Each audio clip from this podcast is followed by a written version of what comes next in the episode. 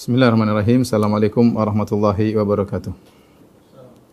Alhamdulillahi ala ihsanih wa syukru lahu ala taufiqihi wa amtinanih wa asyhadu an la ilaha illallah wahdahu la syarika lahu ta'ziman li sya'nih wa asyhadu anna Muhammadan abduhu wa rasuluhu da'ila ridwani. Allahumma salli alaihi wa ala alihi wa ashabihi wa ikhwani.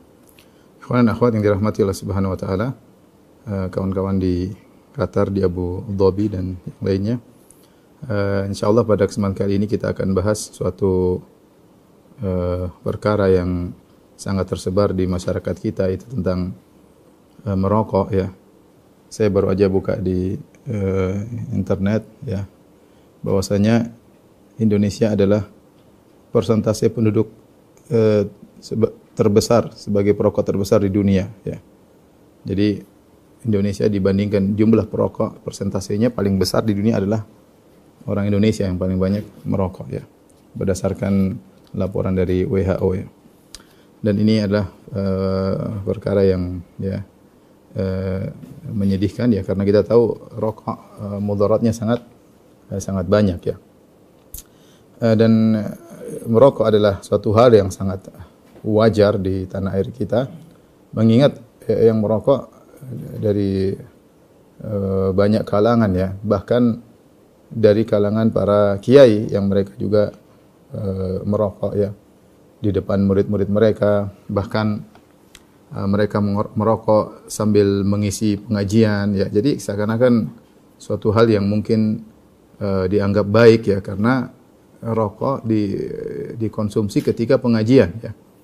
Lain halnya ketika rokok mungkin dikonsumsi di luar pengajian tetapi ketika sambil pengajian sambil merokok sambil membacakan hadis-hadis Nabi, kemudian sambil merokok, maka seakan-akan itu suatu perkara yang dianjurkan ya.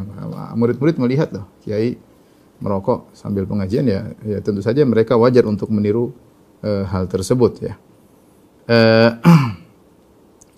bahkan yang unik di tanah air kita, sebagian pondok mendapatkan pemasukan terbesar dari hasil penjualan rokok dalam pondok. Jadi di pondok jualan rokok, bahkan penghasilan terbesar pondok tersebut di antaranya karena uh, menjual rokok ya.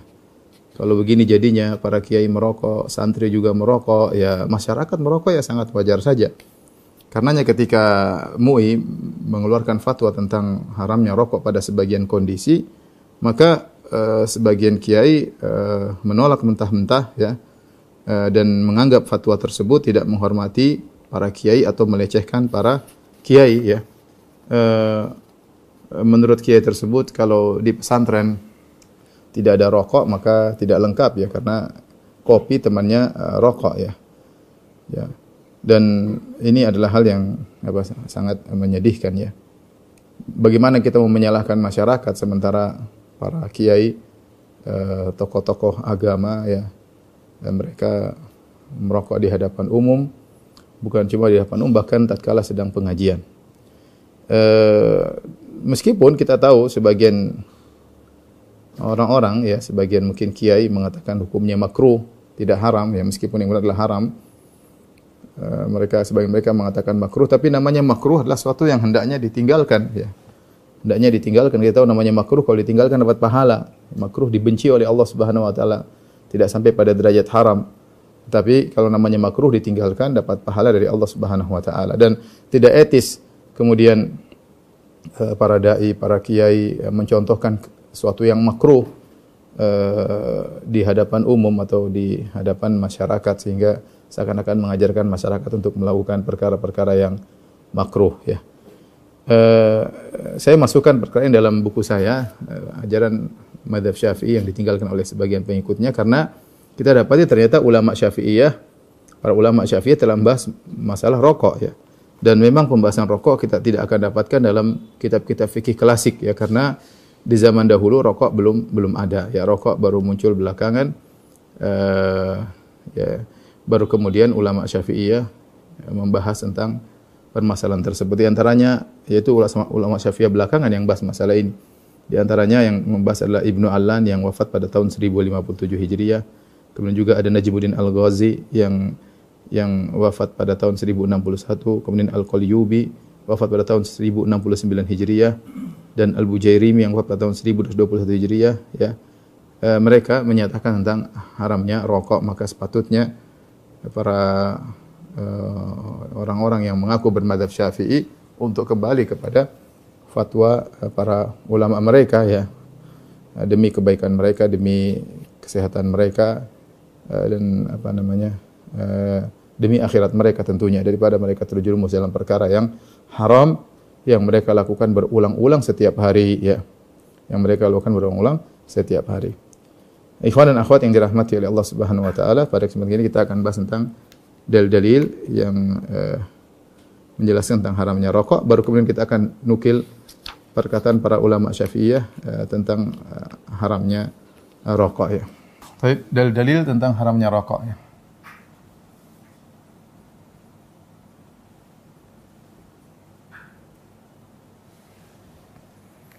Uh, dari Al-Quran ya. ya kemudian dari uh, sunnah ya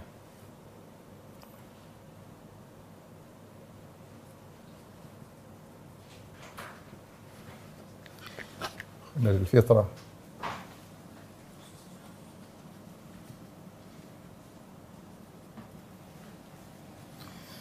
Baik, adapun dari Al-Qur'an banyak sekali dalil yang, yang memang uh, tidak ada dalil secara khusus dalam Al-Qur'an ketahuilah rokok itu haram yang enggak ada ya.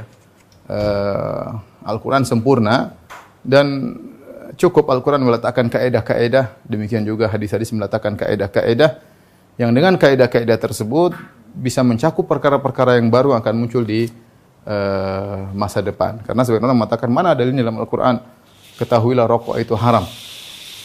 Ya memang uh, tidak ada, tetapi kaidah-kaidah menunjukkan itu haram ya. Kalau caranya begitu nanti banyak perkara yang kita harus halalkan. Contoh heroin, uh, apa namanya, uh, heroin misalnya, kemudian obat-obatan terlarang. Mana dalilnya bahwasanya heroin haram dalam Al-Quran juga tidak ada, dalam hadis juga tidak tidak ada ya. Kalau begitu caranya nanti banyak perkara yang haram bisa jadi halal ya. Secara tekstual memang tidak ada, tapi secara kaedah uh, cukup bagi orang yang berpikir cerdas untuk mengetahui bahwasanya rokok itu hukumnya uh, haram. Rokok itu hukumnya haram. Tapi di antara dalil akan hal ini yaitu Allah Subhanahu wa taala menyebut tentang sifat Nabi sallallahu alaihi wasallam ya wa yuhillu lahum at-tayyibat wa yuharrimu alaihimul khaba'ith Ya. Sifat Nabi SAW adalah Rasulullah SAW dalam Al-Quran surat Al-A'raf ayat 157 ya. Ini surat ke-7 ayat 157. Ya. Rasulullah menghalalkan bagi mereka mereka yang baik, yang baik-baik dan mengharamkan bagi mereka yang yang tidak baik. Yang tidak baik ya.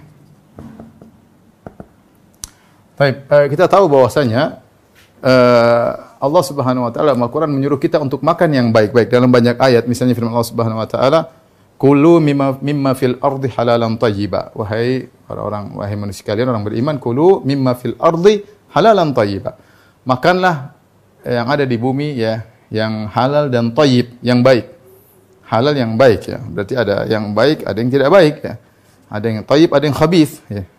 Kemudian juga Allah Subhanahu wa taala berfirman, "Ya ayyuhar rusulu kulu minat thayyibati wa'malu salihah." Wahai para rasul, makanlah yang baik-baik. Kemudian uh, Allah juga berfirman, "Kulu min thayyibati ma razaqnakum." Wahai orang beriman, makanlah dari rezeki yang baik yang kami berikan kepada kepada kalian. Jadi Allah menyuruh kita makan yang baik. Para rasul disuruh makan yang baik, mengkonsumsi yang baik. Yang tidak baik disuruh tinggalkan. Makanya uh, Allah mengatakan wa yuhalliluhum wa yuhallil wa yuhillu lahum at-tayyibati wa yuharrimu alaihimul khaba'ith. Rasulullah menghalalkan yang baik dan mengharamkan bagi mereka yang tidak baik. Coba kita tanya sama kawan-kawan sekalian. Rokok ini cuma dua pilihan, baik atau tidak baik. Tanya. Tanya sama mereka yang mengatakan rokok itu halal atau rokok itu makruh. Tanya, rokok ini baik atau tidak baik? Jawab dengan nurani ya. Ya, semua sepakat tidak baik ya. Rokok tidak baik, cuma dia kecanduan ya, mau diapain ya. Tapi kalau kita klasifikasikan maka dia akan jatuh pada klasifikasi tidak baik ya yang diharamkan oleh Rasulullah sallallahu alaihi wasallam. Kemudian di antaranya dari juga kata kata Allah Subhanahu wa taala wala tulku bi aidikum ila tahlukah. Sama dengan firman Allah Subhanahu itu jangan lemparkan diri kalian pada kebinasaan. Jangan lemparkan diri kalian yaitu dalam kebinasaan. Kemudian juga firman Allah Subhanahu wa taala, "Wala taqtulu anfusakum." Inna Allah kana bikum rahima. Jangan bunuh diri kalian.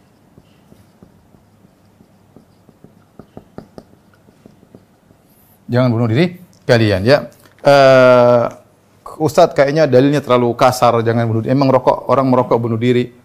Ya ya mungkin tidak langsung mati ya, tidak langsung mati. Tetapi uh, tanya para dokter, mereka sepakat bahwasanya apalagi zaman sekarang uh, bahwasanya rokok itu apa namanya?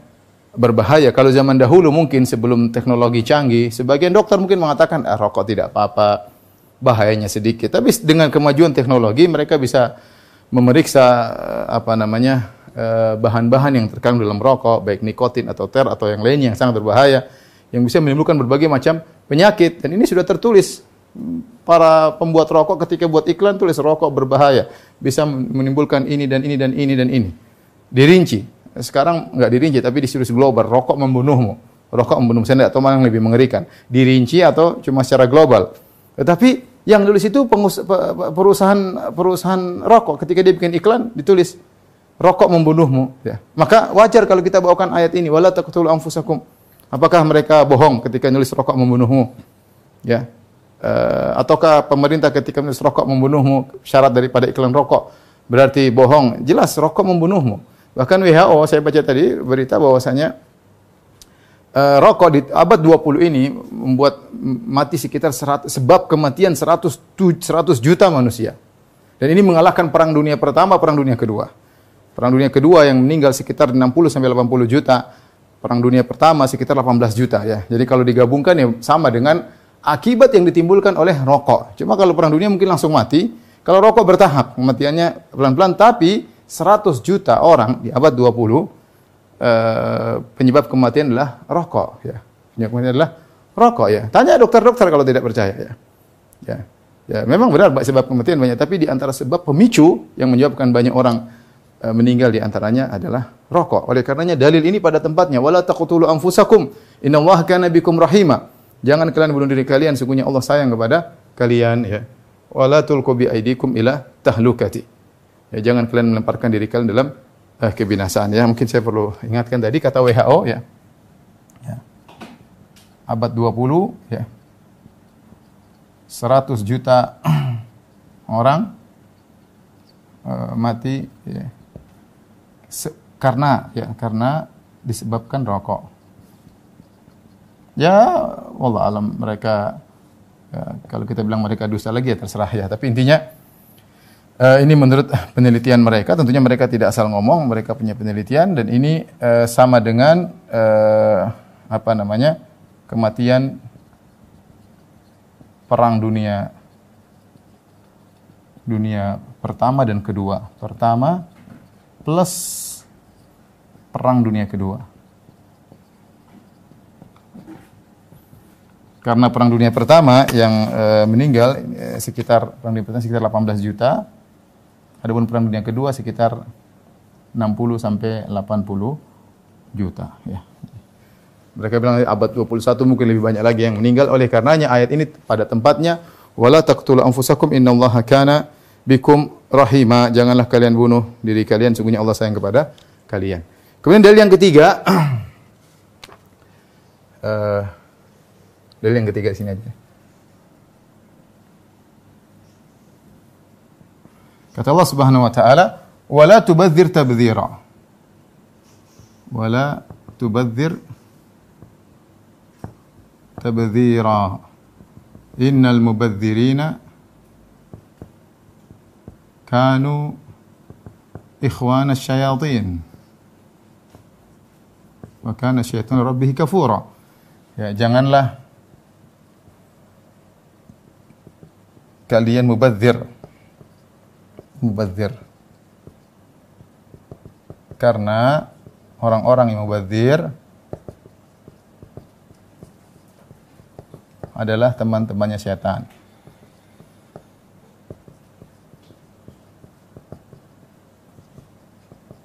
Saya rasa ini dalam surat Al-Isra. Saya rasa tidak ada yang ragu bahwasanya orang yang merokok disebut mubadzir, tidak ada yang ragu. Allah melarang israf, Allah melarang tabzir, ya. Israf kebanyakan digunakan pada perkara yang halal tapi berlebih-lebihan. Allah mengatakan kulu washrabu wala tusrifu. Makanlah dan minumlah namun jangan berlebih-lebihan, ya. Ya kata Nabi SAW, kulu washrabu wa tasaddaqu uh, min khairi eh, sarafin wala makhyalah makanlah dan minumlah dan keluarkan harta kalian tapi jangan jangan berlebih-lebihan dan jangan uh, sombong. Oleh karenanya israf atau saraf uh, kebanyakannya digunakan pada perkara yang halal namun berlebih-lebihan seperti makan berlebih-lebihan, minum berlebih-lebihan, kemudian mungkin uh, berjalan-jalan menghabiskan uang berlebih-lebihan ya. Kalau tabzir, tabzir pada perkara yang haram. Ya, kebanyakan digunakan pada mengeluarkan biaya pada perkara yang haram. Contoh buat minum khamar, contoh buat main judi, Uh, contoh buat merokok ya, buat merokok. Saya rasa semua orang sepakat bahwasanya rokok adalah pekerjaan pekerjaan mubazir. Tidak ada faedahnya. Uh, kalau saya, uh, saya kurang tahu harga rokok sekarang berapa satu bungkus berapa? 22 ribu ya. Itu mungkin kalau di Jakarta, kalau di luar mungkin lebih mahal. 22 ribu. Kalau seorang tiap hari merokok satu bungkus saja, ada yang dua bungkus. Satu bungkus aja. Jadi bayangkan dia tiap hari buang uang 20 ribu. 20 ribu kalau kali 30 sudah 600 ribu, banyak ya. 600 ribu ya. Mungkin dia bisa buat cicil apa, kayak cicil motor, kayak cicil apa. Kak. Ya, bayangkan dia merokok sudah 20 tahun merokok, coba bayangkan. Kalau dia itu mungkin sudah bisa bangun rumah. Zaman dulu uang tersebut sudah bangun rumah. 20 tahun merokok, sekarang dia miskin, tidak punya rumah. Dan banyak yang yang yang menyedihkan, yang merokok adalah orang-orang miskin. Banyak orang miskin. Pekerja, sebenarnya. Makanya saya bilang tanggung jawab di, di hadapan para kiai, para yang bagaimana mereka melarang rokok sebenarnya mereka mencontohkan rokok di hadapan masyarakat. Merokok kemudian uh, kalau seandainya yang mencontohkan adalah mungkin pekerja atau orang kantoran ya mungkin lah ya, tapi yang mencontohkan para kiai, kiai merokok ya di pondok jualan rokok ya. Uh, gimana masyarakat tidak ikut-ikutan merokok dengan ya sudah ikut aja merokok ya. Orang kiainya aja merokok sambil pengajian merokok Ya, maka saya ingatkan kepada para kiai-kiai untuk mengingatkan mengingat hal ini bahwa ini tanggung jawab di hadapan Allah Subhanahu wa taala. Bagaimana kita mencontohkan taruhlah itu makruh. Bagaimana kita mencontohkan makruh di hadapan masyarakat? Kalau itu makruh diam-diam lah dalam rumah mungkin. Apalagi kalau hukumnya haram. Apalagi kalau hukumnya haram, makruh saja tidak kita contohkan di depan umum. Uh, kalau orang soleh selalu melakukan yang makruh maka jatuh muruahnya, jatuh harga dirinya. Bagaimana lagi dengan perkara yang uh, yang haram ya, ya. Maka lihatlah tabzir ya. Bisa jadi seorang di rumah merokok sementara kalau anaknya nangis minta jajan enggak enggak ada uang ya. Enggak, anaknya minta jajan ini. Tapi kalau buat rokok ada uang. Kalau buat rokok ada uang. Buat anaknya, buat istrinya terkadang alasan sana sini ya. ya. Jadi ini menyedihkan ternyata uh, yang, yang merokok banyak orang, -orang miskin. Apalagi tanah air kita di persentase paling besar Indonesia merokok ya dan banyaknya orang, -orang miskin yang uh, yang merokok ya. Wala tubadzir tabdzira. Janganlah kalian uh, melakukan tabzir. Kenapa innal mubadzirina kanu ikhwana syayatin? Sungguhnya orang-orang yang melakukan tabzir adalah teman-temannya uh, syaitan ya. Teman-temannya uh, syaitan. Uh, ya ikhwan ya. Saya kadang berpikir ya, kenapa orang bisa merokok? Ya? Coba pertama kali apa yang motivasi dia untuk merokok? Pasti dia pertama merokok pasti dia batuk-batuk, tidak enak. Apa yang buat dia motivasi merokok? Ya mungkin kelihatan keren, kelihatan orang berhasil. Awalnya nggak enak batuk-batuk, pasti. Semua orang merokok tidak langsung bisa menikmati, tidak mungkin. Dia pasti merokok pertama dia pasti batuk-batuk, eh, terganggu, terkadang kepala pening dan itu kenyataannya demikian. Tetapi ini bukti bahwasanya syaitan bisa menghiasi sesuatu yang buruk jadi baik. Karena syaitan sudah bersumpah di hadapan Allah, la uzayyinanna lahum fil ardi wa la ughwiyannahum ajma'in. Ya Allah, sungguh benar-benar aku akan menghiasi maksiat di dunia bagi anak-anak Adam. Sesuatu yang buruk. Beda, saya katakan beda. Yang orang bisa langsung lezat, misalnya zina ya. Haram tapi langsung lezat ya. Zina haram langsung apa? Lezat ya. ya mungkin apa kayak banyak maksiat yang dilakukan langsung lezat ya. Tapi kalau rokok enggak. Rokok batu-batu nanti setelah berapa kali dia mencoba baru kemudian dia ketagihan. Ya, terus apa motivasi dia? Ya tadi setan menghiasi seakan-akan kalau kau merokok kau keren. Kalau kau merokok berarti kau orang gaul, kau akan ini, akan anu, akan ini, akan anu. Sampai orang miskin pun terjebak dengan semuanya. Kalau miskin akhirnya merokok. Makanya saya kadang mikir apa sih yang buat uh, kenapa orang terjebak ya? Terjebak dengan merokok sesuatu yang yang uh, mengganggu pernapasan, yang buat orang batu apalagi di awal kali dia uh, merokok. Lama-lama dia terbiasa malah kecanduan ya. Tapi ini dalil-dalil dari Al-Qur'an yang menunjukkan bahwasanya uh, rokok itu uh, haram ya, rokok itu haram. Tapi kita lanjutkan dari dari sunnah Nabi wasallam.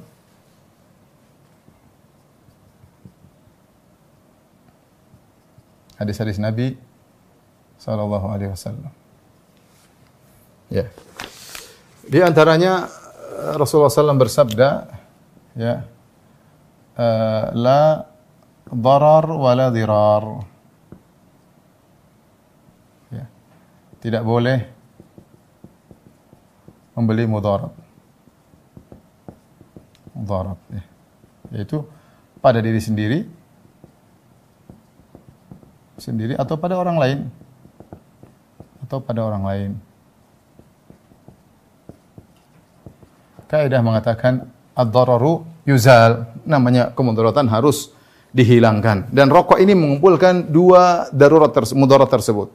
Seorang merokok apa namanya memberi kemudaratan pada dirinya dan juga memberi kemudaratan kepada orang lain. Mending dia hanya memberi kemudaratan pada dirinya. Dia akan beri kemudaratan kepada orang orang lain ya.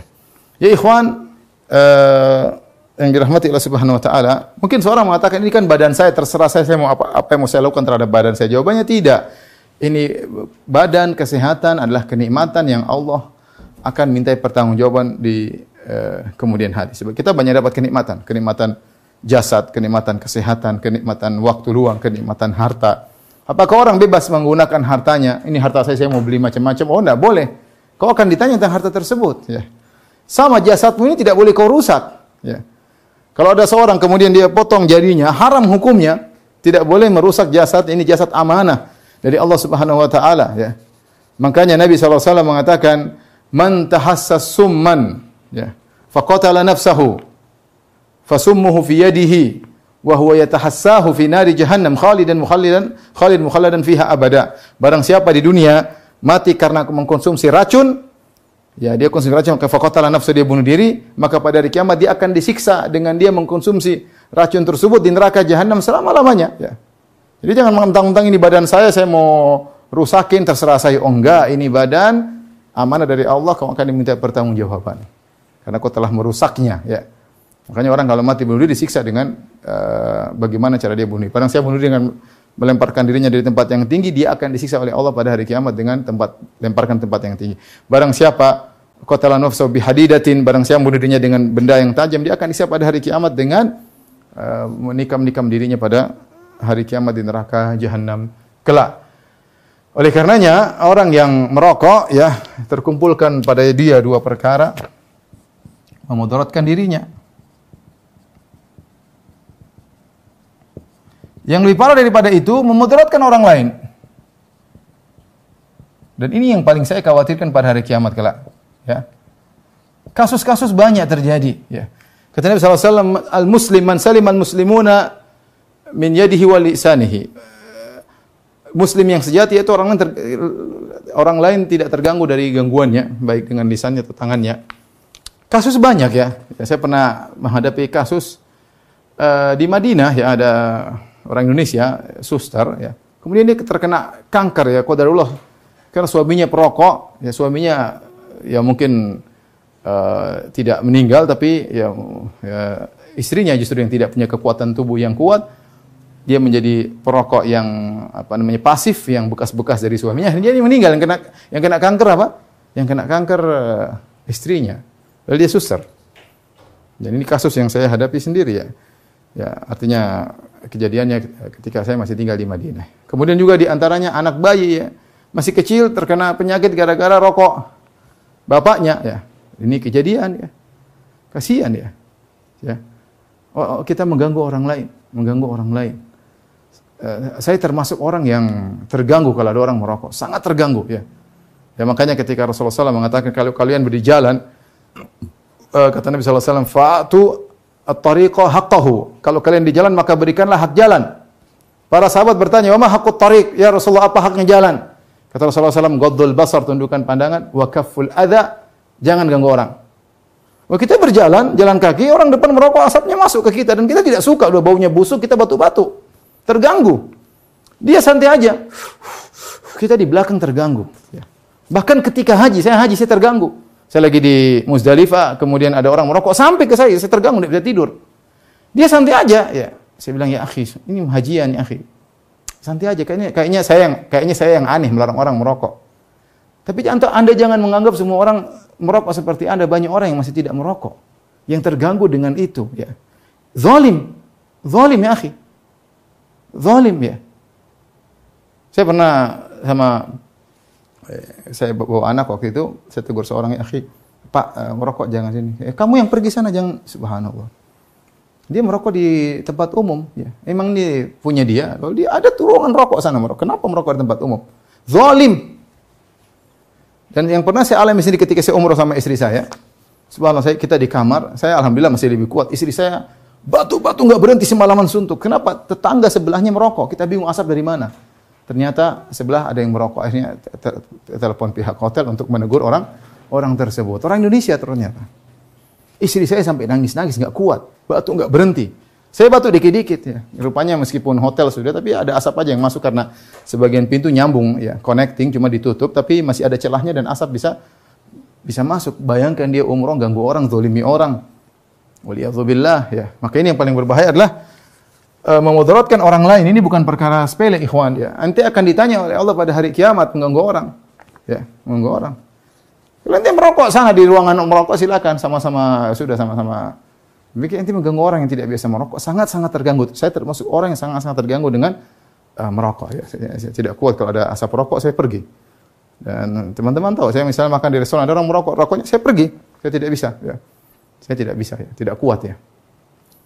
Uh, intinya Ikhwan dan akhwat rahmatillah subhanahu wa ta'ala. Ini yang paling berbahaya di antaranya bahaya rokok adalah memudaratkan uh, uh, orang lain ya. Kemudian saya ajak ikhwan-ikhwan merenungkan uh, Nabi SAW bersabda lan tazula qadama abdin hatta yus'al an arba' tidak akan bergeser. Kedua kaki uh, seorang hamba hingga ditanya tentang empat perkara.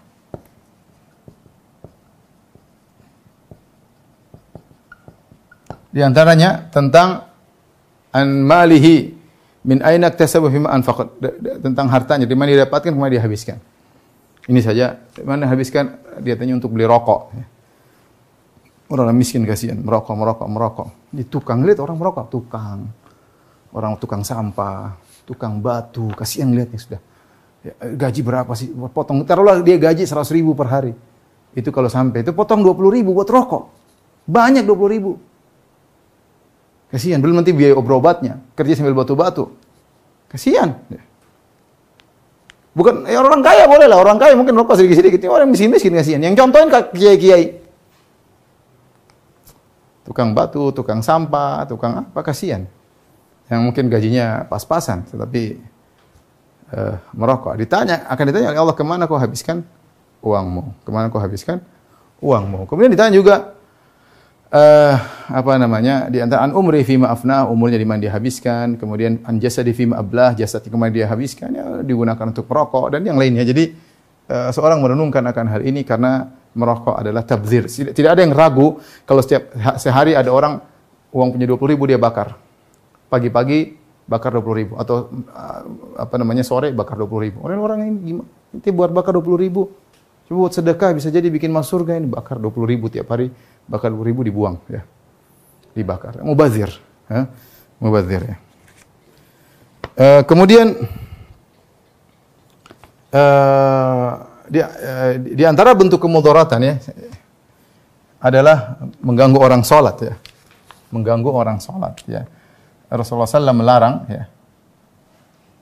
Rasulullah SAW man, man akala min hadhi syajarah yaitu barang siapa makan daripada uh, tumbuhan ini yaitu uh, basal atau thum yaitu bawang putih uh, bawang merah falyata uh, fala yaqrabanna masjidana wal ya'tazil musallana ya. Kata Nabi sallallahu alaihi wasallam barang siapa yang siapa yang yang makan bawang putih bawang merah maka jangan ke masjid. Intinya jangan maka jangan ke masjid. Dalam kemudian Nabi wasallam mengatakan fa innal malaikata tata'adza mimma yata'adza minhu banu Adam. Sungguhnya malaikat terganggu dengan apa yang mengganggu anak Adam. Ya. Kalau bawang saja orang kalau makan kemudian dia sholat kemudian di sampingnya dia baca Bismillahirrahmanirrahim mengganggu sebelah Rasulullah larang.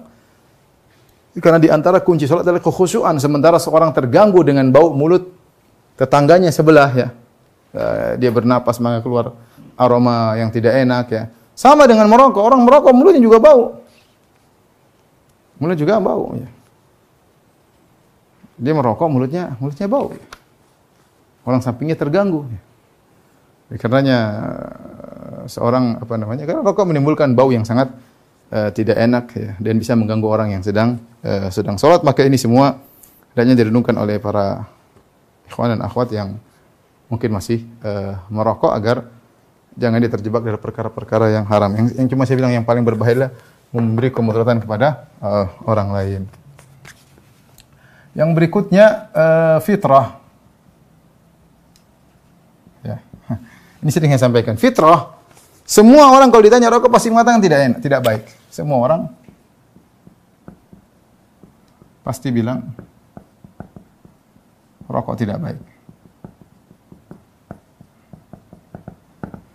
Bah, meskipun merokok, misalnya ada orang merokok terus anaknya masih SD merokok, dia eh, jangan jangan nak.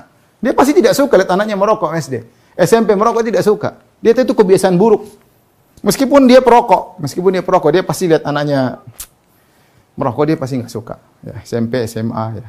Ini berarti perkara yang buruk. Semua fitrah menolak nama bilang rokok bagus, nggak ada yang bilang rokok itu baik. Rokok itu nggak baik. Makanya nggak ada yang merokok bilang Bismillahirrahmanirrahim. Oh, nggak ada. Merokok merokok aja. Bismillah. Ya.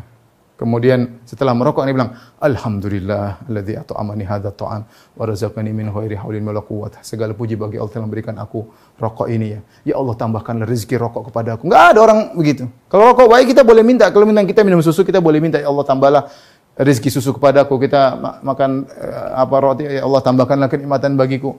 Apakah ada orang dengan nuraninya habis merokok, alhamdulillah ya Allah tambahlah rezeki rokok. Enggak ada. Ada. Fitrah kita nolak. Fitrah kita nolak. Kita aja, kita aja kalau kita misalnya baca Al-Qur'an, kita boleh sambil minum kopi.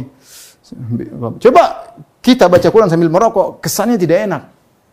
Saya bicara ini ya, bicara nurani ya. Kalau orang ya mungkin ah, saya biasa aja Ustaz iya, tapi kita jangan tanya sama orang yang merokok, tanya orang yang wajar yang nuraninya masih oke okay lah ya. Kalau kita baca Quran sambil minum kopi, masih oke. Okay. Minum teh, Mungkin sambil makan kue kita lanjut lagi. Tapi kalau kita sambil merokok, kemudian baca, kesannya tidak baik. Kesannya tidak baik. Saya sering sampaikan para jemaah haji. Gimana antum pakai kain ihram kemudian labbaik Allahumma labbaik labbaik la enggak enggak enggak enak dilihat. Enggak enak di, dilihat ya. Fitrah, fitrah uh, menolak rokok itu baik. Semua orang tahu fitrah, rokok itu tidak uh, tidak baik. Ini cukup sebagai uh, peringatan bagi kita bahwa itu perkara yang hendaknya kita tinggalkan karena Allah Subhanahu wa taala. Jadi tidak ada yang bilang tidak ada yang ketika merokok yang memulai rokok dengan membaca bismillah. Enggak ada.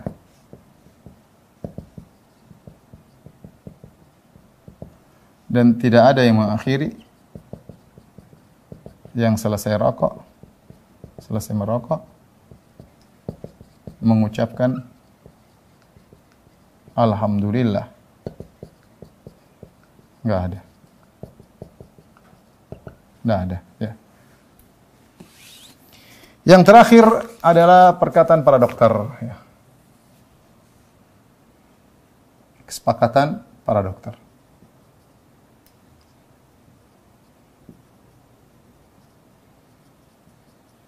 Akan bahaya rokok.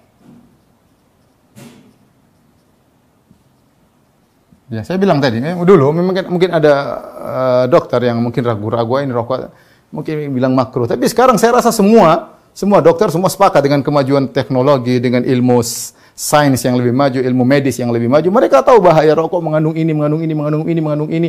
Bahayanya kayak apa, sumber kematian dan macam-macamnya ya.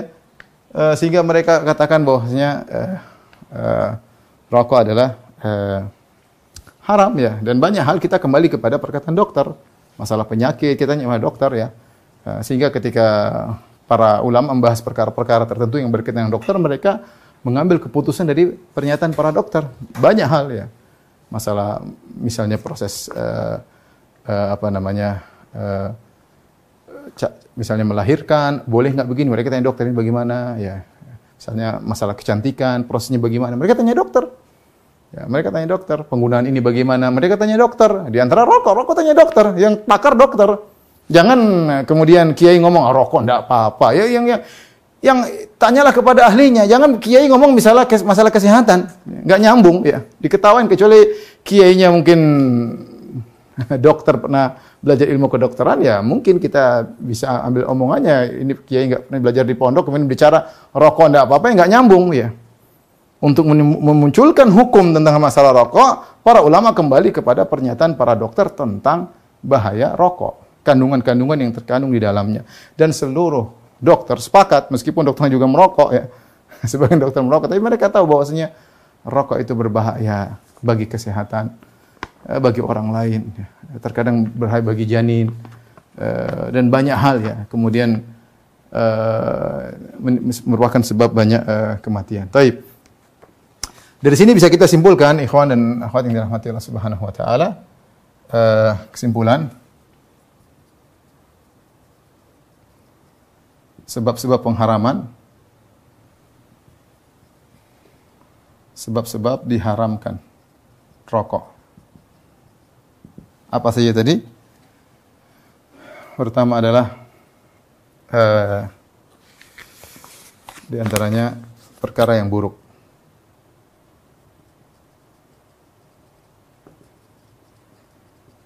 uh, di antaranya adalah berbahaya, penyebab kematian.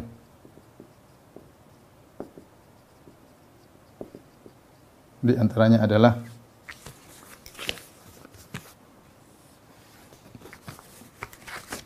mengganggu orang lain. Mengganggu uh, kesehatan orang lain. dalam kurung zalim. Biar tahu bahaya, rokok itu zalim ya. Kalau dia ngerokok di kamar sendiri ya mungkin dia nggak zalim ya, paling mengganggu cicak yang ada di dinding terganggu dengan rokoknya. nah, kalau di tempat umum yang mengganggu orang, merokok, dia merokok di luar, di bandara merokok di luar, ruang masuk di ruang sana, silakan merokok di tempatnya ya. Di antaranya bau yang tidak enak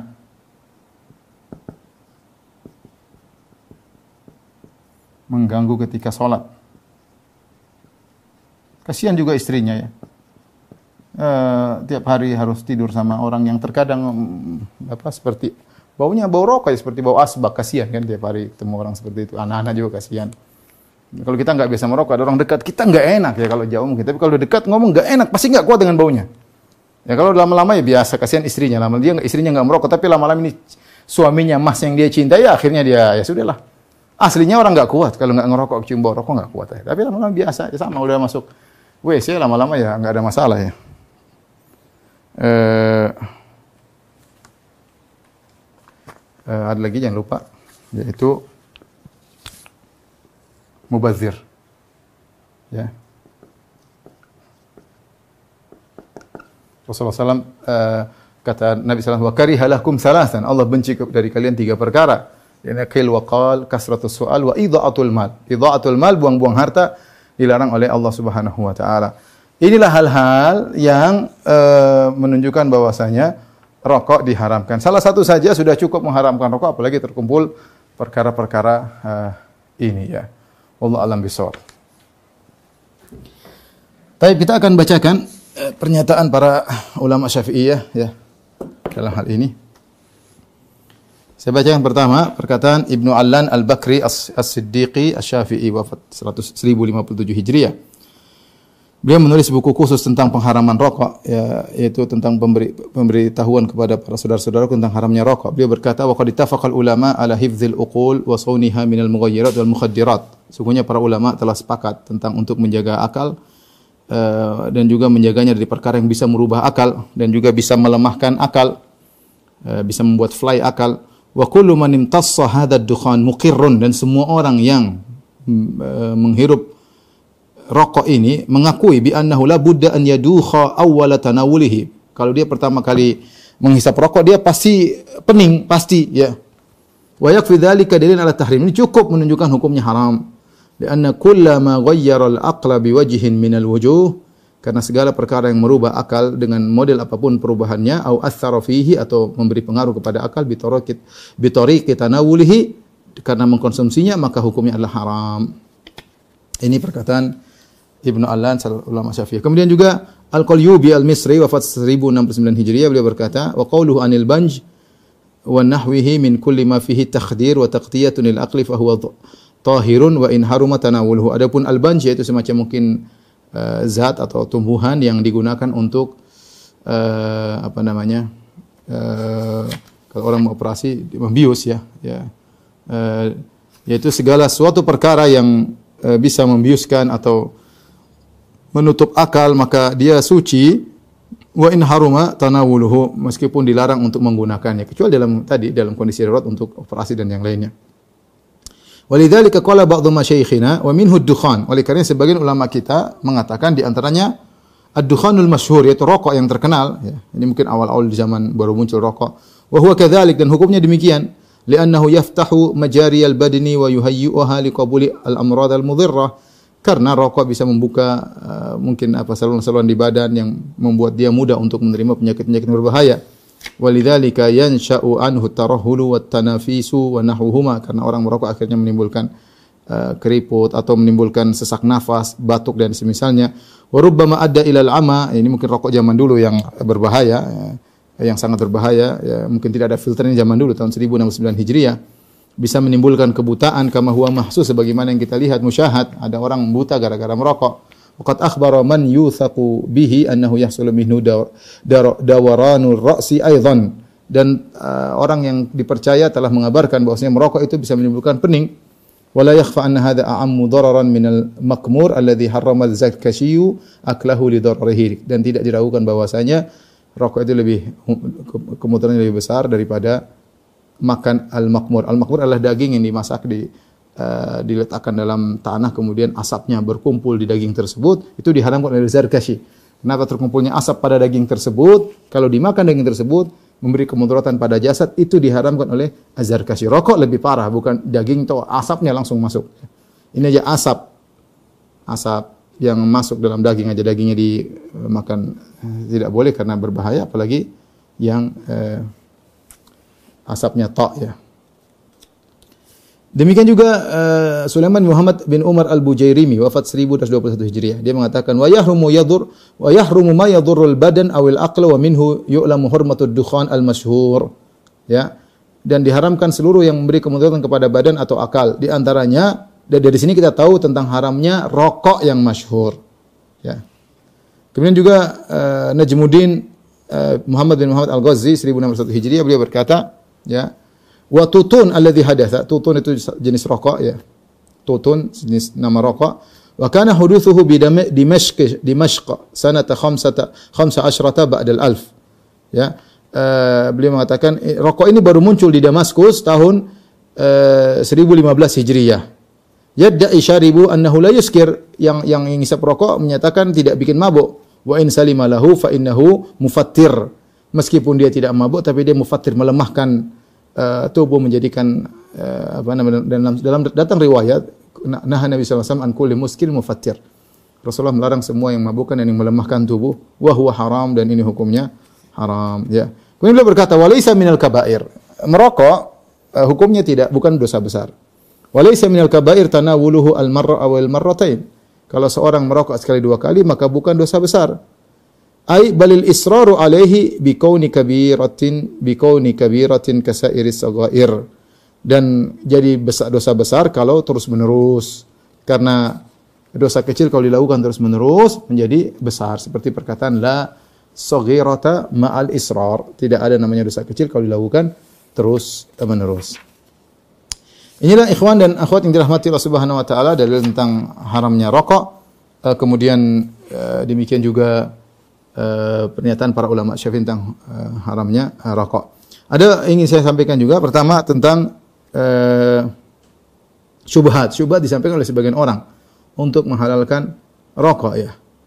Di antaranya sebagian mereka mengatakan, saya kalau tidak merokok, saya tidak bisa pengajian ya. Sebagian bahkan saya dengar dia mengatakan rokok bagi saya sunnah atau wajib dengan merokok saya bisa ngisi pengajian. Saya bilang itu karena dia sudah kecanduan ya, sudah kecanduan ya. Asalnya kalau dia tidak begitu dia bisa juga bisa isi pengajian ya.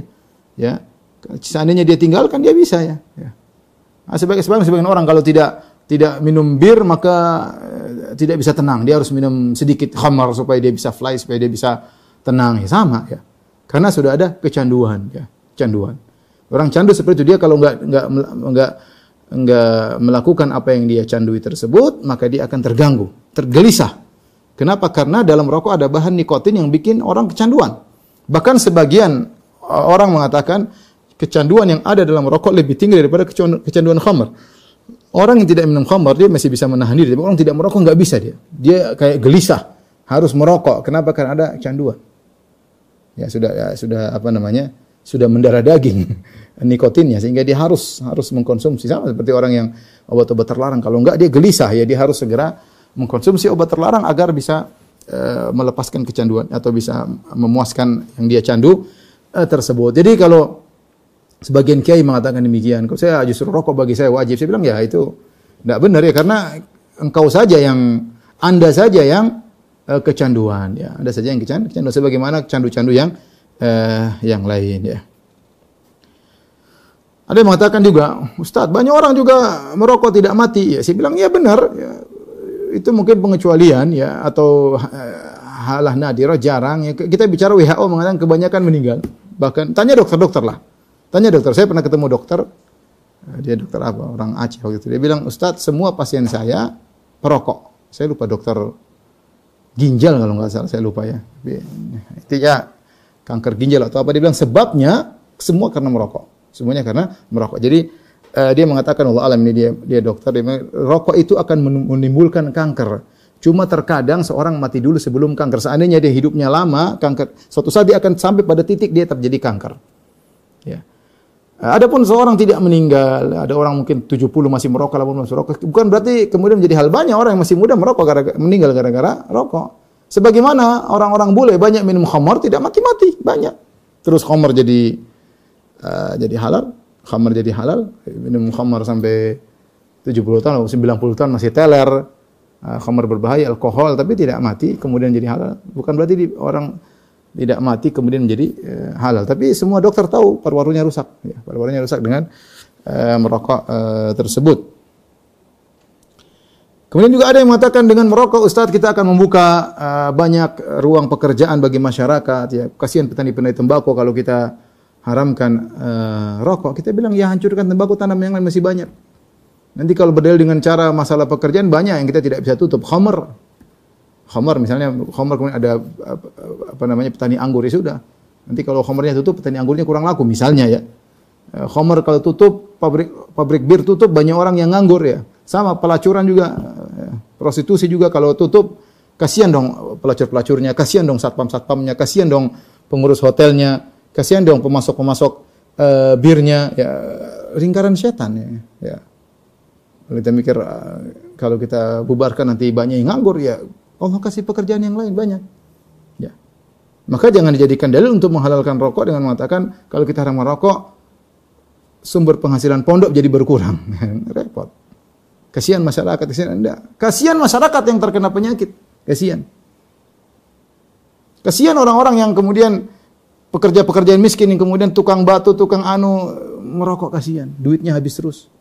Harusnya bisa dia kumpulkan untuk kasih istri. Coba 600 ribu tiap bulan kasih istri senang sekali. Orang miskin 600 ribu banyak. Ya, habisin buat merokok. Ini eh, eh, di antara syubhat-syubhat yang eh, mereka eh, sampaikan. Tapi eh, apa hukum jualan rokok? Tentu hukumnya haram ya karena Allah berfirman wala ta'awun 'alal ismi wal udwan ya. Jangan kalian tolong menolong dalam dosa dan permusuhan. Rokok adalah dosa. Allah juga berfirman wala ta'kulu amwalakum bainakum bil batili. Janganlah kalian makan harta kalian dengan harta di antara kalian dengan cara kebatilan. Kita jual rokok kita hasilnya haram karena kita memakan harta dengan kebatilan. Kita memberikan racun kepada orang yang beli uh, rokok. Eh, terakhir mungkin bagaimana cara meninggalkan rokok? Tentunya banyak cara. Masing-masing uh, orang yang pernah meninggalkan rokok mereka punya cara berbeda-beda. Tapi intinya kembali kepada kembali pada uh, keseriusan uh, minta tolong kepada Allah Subhanahu Wa Taala. Uh, perjuangan kalau dia berjuang dia bisa meninggalkan rokok banyak orang banyak orang yang meninggalkan rokok banyak. Saya berapa kali saya ketemu orang ya. Datang ketemu saya, Ustaz, terima kasih saya pernah dengar ceramah saya langsung meninggalkan. Tidak pakai proses, langsung dia tinggalkan bisa. Saya ketemu beberapa orang, saya bukan satu orang, beberapa orang. Terakhir saya ketemu waktu saya hajian, ketemu seorang ya, kita di ruang tunggu, Ustaz, oh saya terima kasih Ustaz, saya pernah meninggalkan rokok. Saya saya punya perus, uh, kebun tembakau, kemudian saya dapat keuntungan. Sekarang saya tidak merokok dan semua saya ganti dengan kebun yang lain. Terjadi. Ya, saya bilang masya Allah, alhamdulillah. Ya, ya artinya dia bisa bukan hanya meninggalkan rokok, dia rubah uh, kerjaan dia darinya petani tembakau, dia bongkar semuanya, dihentikan, kemudian dia uh, yang lain dan bisa hajian, alhamdulillah. Ketemu saya waktu musim haji. Ya. Jadi maksud saya yang penting kemauan dia. Uh, ketika seorang ingin meninggalkan rokok, ada hal-hal yang mungkin harus dia perhatikan. Pertama dia niat tulus karena Allah Subhanahu wa taala. Orang meninggalkan rokok karena takut sakit ya boleh tidak dosa, tetapi kalau ingin dapat pahala maka dia harus meninggalkan rokok karena Allah Subhanahu wa taala. Karena semua yang dilakukan karena Allah baru ada pahalanya. Kalau bukan karena Allah maka tidak ada pahalanya. Pertama karena Allah minta tolong kepada Allah Subhanahu wa taala. Eh, kalau dia serius, insya Allah dalam waktu lima hari, sepuluh hari dia meninggalkan rokok, insya Allah selesai ya. Eh, nikotin bisa keluar dari tubuhnya. Begitu hari pertama, sebagian saya dengar sebagian orang yang meninggalkan rokok, mereka mengatakan hari pertama perjuangan. Ya. Orang tidak merokok, berat bagi dia. Ya, biasanya dia merokok mungkin 10 batang, satu bungkus. Hari itu dia berhenti. Sebenarnya orang, ini terakhir rokok. Besok baru saya mulai. Besok besok lagi, minggu depan akhirnya nggak pernah berhenti. Nggak pernah berhenti. Terus dosa-dosa terus dia lakukan. Jadi harus benar-benar serius, bertekad, begitu dia berhenti merokok, pokoknya dia harus berjuang dan dia sedang berjuang dalam peperangan melawan rokok ya, maka dia minta tolong kepada Allah Subhanahu wa taala. Kalau timbul kepinginan rokok, dia berdoa kepada Allah. Kalau perlu dia sholat, minta kepada Allah, ya kuatkan saya untuk meninggal rokok. Dan dia akan merasakan hari tersebut hari yang sangat lama. Kenapa? Karena ada yang dia ingin tidak didapatkan, itu rokok. Dia benar-benar melawan. Ya. E, kalau hari, pertama jangan bilang, jangan lihat Jangan lihat hari berikutnya. Ingat hari ini saja perjuangan saya hari ini saya harus bisa lolos. Hari ini saya harus bisa lolos. Jangan pikir oh masih lama ya. Jangan hari ini perjuangkan. Begitu Anda lolos hari ini, masuk hari kedua, sebagian orang-orang yang meninggal rokok mengatakan perbanyak minum.